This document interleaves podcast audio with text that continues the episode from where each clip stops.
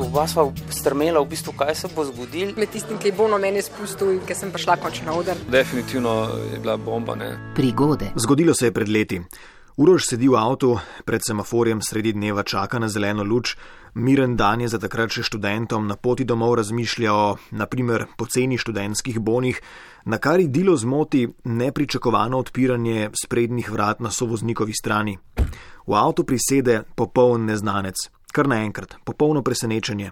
Sedi tako poleg Uroša in mu reče: Daj zapeli me do jeprce.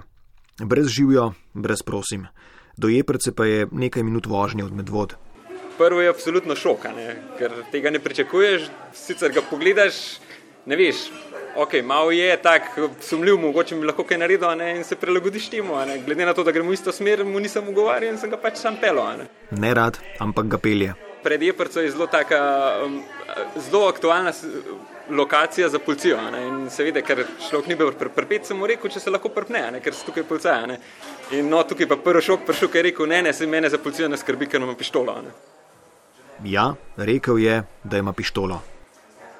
No, tu naprej pa seveda ne upaš niti več reči, samo hočeš ga dopeljati do cilja, zato ker ne veš, kaj boš, karkoli boš rekel, če bo narobe, ne te pa lahko malo šokira. Ne, Iz, ne vem, no skratka, kar hočem reči, nočeš ga raziziti. Pot mineva v tišini, ko se približata jeprci, ga Uroš vpraša, če ga lahko odloži ob cesti na avtobusni postaji. Sopotnik mu odvrne z vprašanjem, če z vožnjo morda nadaljuje v smeri Škofje Loke, kamor se odcepi en krak ceste na jeprci. Uroš seveda veselo, olajšano, misleč, da to pomeni njuno slovo, odgovori, da ne, pač pa da gre v drugo smer, proti Kranju, In pa on, seveda, prvo, kar je odgovoril, rekel: No, super, pa je pa do kranja pel. Pred njima je bilo še slabih deset minut tihe vožnje in še nikoli se ni urož tako razveselil table kran. Sicer sem ga se spomnil, da sem ga vmes še vprašal, ne, pač, kaj, ima, kaj bo delal v kranju.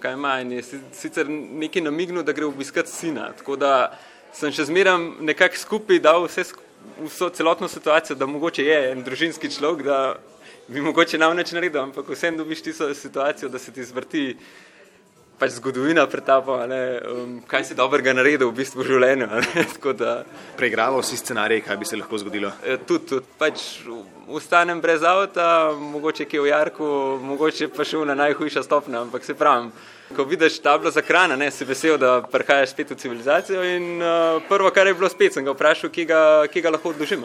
In na srečo je izbral lokacijo, ki je bila pred, seveda, temu, kjer jaz zavijam v prodomu, in pa tudi zelo blizu, uh, ko so prišla v hrano. In uh, je povedal, da je to lokacijo in tam sem ga odložil na srečo je pač normalno šel ven, sicer nič ni rekel, niti adijo, nič zahvala, nič. Sam ven stopil, ne, od takrat naprej sem vem, da sem se zaklepal vedno v avto, no, ok, zdaj druga, zdaj imam sicer drug avto, tako da to avtomatsko naredim, ampak vse ne. Dobra izkušnja, no. zanimiva, nam rekel dobro. Prigode z ceste in vse ostale sprejemam na nec.jemecaf na rtvslo.si oziroma na ničena 475 2202.